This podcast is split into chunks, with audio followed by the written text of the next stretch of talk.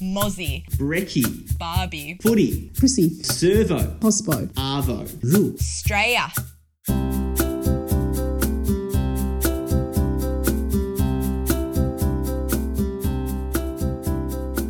本期 Australia Explained 大批澳式缩略语来袭，大家好，欢迎收听我们这一期的 Podcast。通过我们的播客节目，帮您更好地解读澳大利亚的文化习俗，带您了解一切关于澳大利亚的有趣知识。我是本期的制作人 Helen。我们在另一期节目当中已经简单带过澳式英语中的缩略语现象。精通中文的澳洲人 Ben 和 Amy 为我们列举了许多典型的例子。那这期节目呢，除了他们两位外，我们还请到了两位在澳生活多年的华人一起加入探讨。喜欢观察的 Ben 呢，总结了澳洲人在缩略英语单词时的几种常见处理情况。澳洲人经常会把一个词儿最后面的一部分念成 o y a 或者 e，比方说 afternoon 是下午的意思，我们会念成 avo。还有 bottle 卖酒的地方，还有 servo 是加油站 service station，我们会念成 servo。还有 breakfast 早餐，我们会念成 breaky；football 我们会念成 footy。Umbrella 也太长了，所以我们直接说 brolly。中文怎么说 brolly？就是 yeah 雨伞。对啊，雨伞。所以澳洲口语可以用 brolly。呃，然后还有一个，嗯，就是 sunglasses 墨镜，在澳大利亚你可以说 sunnies。对对对，还有一个是 onya，这个是 good on you 的意思，like well done 的意思。我们把 good on you make it shorter and it becomes onya，这个有意思。很搞笑了，很很有意思。澳大利亚，我们这个国家的名字也太长了吧？我们不说啊 Australia，我们就是说 Straya，就是 S T R A Y A。Straya，对啊，我们国的国家的名字也太长了，哎，我觉得很有意思。就像 Ben 和 Amy 所说啊，澳式缩略语在我们的日常生活当中已经无处不在，连我们称呼的人名都不例外。不过 Ben 和 Amy 说，是好朋友才会把对方名字给缩短了。还有很多人的名字，比方说我自己的名字叫 Benjamin 或者叫 Ben，很多澳洲人会念成 Benner。如果一个澳大利亚人给你一个绰号，这个表达他很喜欢你，你是他的朋友。嗯，比如说呢，啊、如果你的名字是 David，在澳大利亚 David 会变成 Dave，Sharon 这个会变成 Shaza。我的名字是 Amy，在澳大利亚我的名字就是 Aim，呃，所以这种绰号就表达友好的意思，喜欢你的意思。澳洲人爱用缩略语，在澳大利亚生活多年的华人都会习以为常。比如我们这次的嘉宾 Helen，很巧啊，我们同名。Helen 来自中国，在澳大利亚生活了二十多年了。因为先生是澳洲本地人的关系海伦说，当年孤身远嫁来澳洲，最初生活当中只有本地人，反倒是为他创造了深度融入澳洲社会的机会。因为我一来的时候，呃，我也不用去上学，呃，所以就直接就是融入到就是当地的人的圈子里嘛，就是等于是我先生的圈子，随后我自己在慢慢的在认识这儿的华人，所以，呃，跟我这边的华人朋友聊天，很多时候我就觉得，哎，怎么好多东西他们即便是来了很久的都不知道。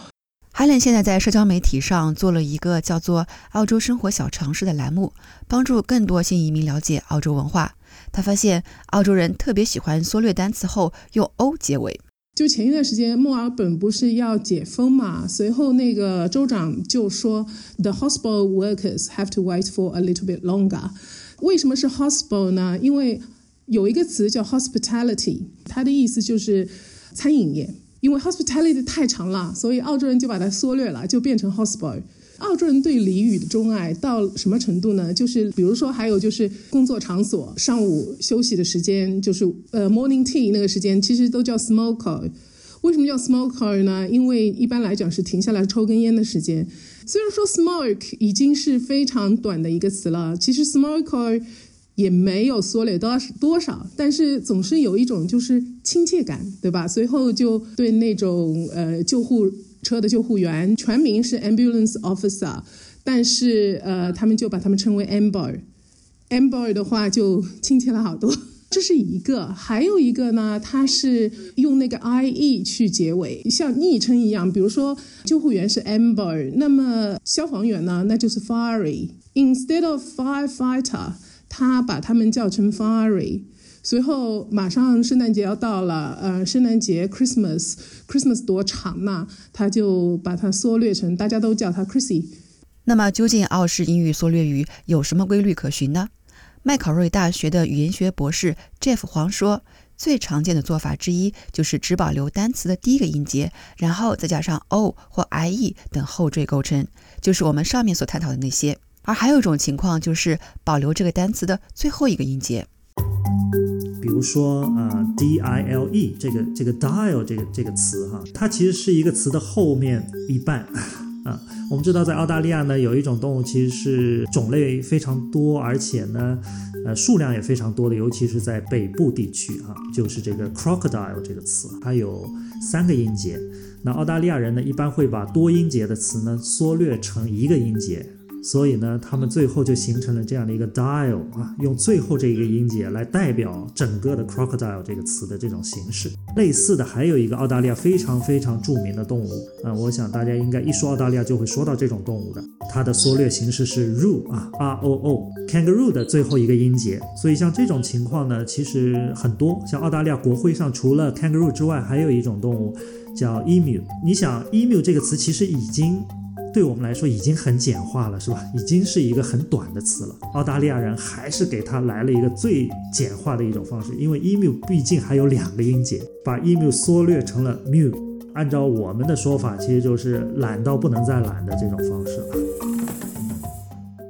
无论是保留单词的最后一个音节，还是第一个音节，还是中间的音节，其实难度都远远不及另外一种情况，那就是缩略到完全看不出原词。这种缩略形式已经远远超出单词的范围了。典型的一个例子就是，我们听到本地人在跟别人说 “thank you” 的时候，直接说他。基本上，你看到 “t a”，如果你不知道的话，你很难联想到它原来是 “thank you” 的一个缩缩略形式。在这个基础上，澳大利亚人还会把有的时候会把 “goodbye” 就跟别人说再见的时候，用两个“他”来表示，就 “tata”，就是再见的意思。所以，这估计可能也就是澳大利亚人能听得懂了吧。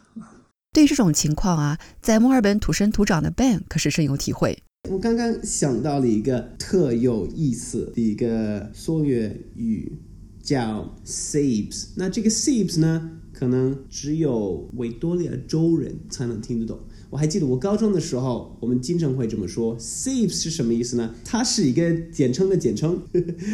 Can't be bothered。Can't be bothered 是什么意思？我懒得做。哎，Ben，今天该起床了啊。Can't be bothered，我懒得起床。但是 Can't be bothered 太长了，所以大家开始说 CBS，就三个字 CBS。Can't be stuffed，所以 CBS 它念成 saves。一个 syllable，还记得我刚到北京的时候，呃，身边的外国朋友很多，包括美国、英国，呃等等国家，我经常不知不觉的会用到 saves 这个词儿。然后有一天，我的美国朋友说：“啊，Ben，sorry，you keep saying saves，what do you mean？” 然后我大吃一惊了，哇，他居然美国人不会这么说。澳洲人为什么那么喜欢缩略单词？真的只是太懒吗？Ben、Amy、Helen 和 Jeff 他们四个人分别见仁见智的谈了自己的见解。然后其实这个原因我不知道为什么我们会这么去做。我以前听说过澳大利亚人为什么会这么做，是因为呃以前从英国坐船到澳大利亚的时候，到了澳大利亚天气很热，所以懒得张开嘴巴。我也听说过啊，别人说。Flies 就蚊子很多，还有虫子很多，所以大家不敢张开自己的嘴巴，因为他怕一个蚊子会飞进去，所以他就开始就讲话的时候不会全部展开。对啊，可能是是懒的原因，但是我也觉得这个代表我们是一种 relaxed 放松，很放松。我们澳大利亚人很放松，我也觉得，嗯。对于绰号来说，这是表达情感，所以不就是懒的意思。我觉也觉得就是表达啊，我们很放松，这样我觉得。有一个词叫 larrikin，对澳洲人最好的一个呃赞扬就是哦、that guy he's an Australian larrikin，就说他就是把什么都不不怎么当一回事儿，而且呢特别能说，而且对什么都是一笑而过。我觉得就是缩略语呢也是这方面的一个体现，因为澳洲人国民的那种意识呢就是。如果你把事情太当真了，那你就输了。所以，他就是什么事情都是用一个比较随意的方式去形容，随意的方式去谈话嘛。简化现象呢，其实每一个语言都有，只不过在澳大利亚英语当中呢，因为它是英语的一个分支嘛，所以可能说起来有的时候会形成一种本地特色。Jeff 所说的本地特色，在澳大利亚很多地名的叫法上表现得淋漓尽致。比如各个州和领地会被以当地盛产的动植物而取上一个昵称。悉尼人，呃，我们会把它叫做 Sydney Siders，啊甚至呢，把 Sydney Siders 可以延伸到整个西南威尔士州的人。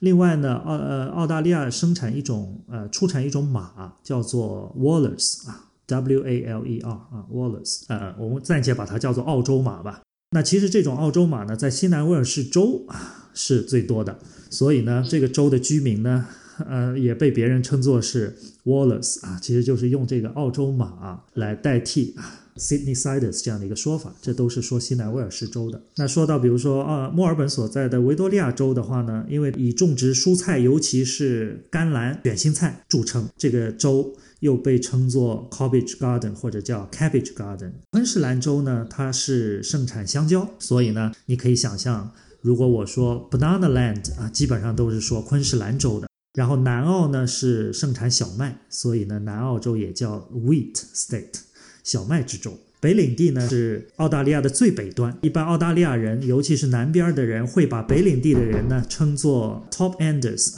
然后澳大利亚的塔斯马尼亚州呢，它是有这个苹果之岛的这样的一个美誉哈，也会把塔斯马尼亚州称作 Apple Island。剩下一个西澳大利亚州呢，它有一种叫沙虫的一种动物哈，叫 Sand Grouper，呃，所以呢，我们一般会把 Sand Grouper Land 来称西澳大利亚州。其实，在澳大利亚各个州或者领地哈，其实都有它自己的别称或者叫绰号，其实就是跟它各自的地理环境和动植物有关的。除了这些地名的昵称之外呢，其实澳大利亚许多地名和英文词汇呢，都是来自原住民的语言。比如住在悉尼的朋友可能对瓦扬这个地名很熟悉，它是西南威尔士州中央海岸市的一个区。在当地原住民的语言中，这个词的意思是好吃的山芋或是流水的地方。除了地名之外，很多澳洲本地动物名字也是以原住民语言命名的。最著名的就是我们的国宝袋鼠。目前流传最广的传说是，库克船长当时探索澳洲东海岸时遇到这一动物。他们问附近的一名原住民这个动物叫什么，对方回应 kangaroo。其实想说的意思是我听不懂你说什么，随后却被错当成这个动物的名字。当然，如今也有语言学家来考究说，事实并非如此。他们会认为 kangaroo 可能是原住民语言中 kangaroo 是指袋鼠的一种。好了，本期澳式俚语的下集，我们请多位来自不同背景的人士为我们总结了澳式缩略语的规律及各种有意思的命名方式。SBS 普通话节目最新推出的 Podcast 系列 Australia Explained，帮助您更好地解读澳大利亚的文化习俗，带您了解一切关于澳大利亚的有趣知识。您现在可以在 Spotify、Apple Podcast、Google Podcast 或 SBS 普通话节目网站，又或是 SBS 电台的应用程序，搜索我们的节目名称“解读澳洲”，并点击订阅，随时随地的收听节目。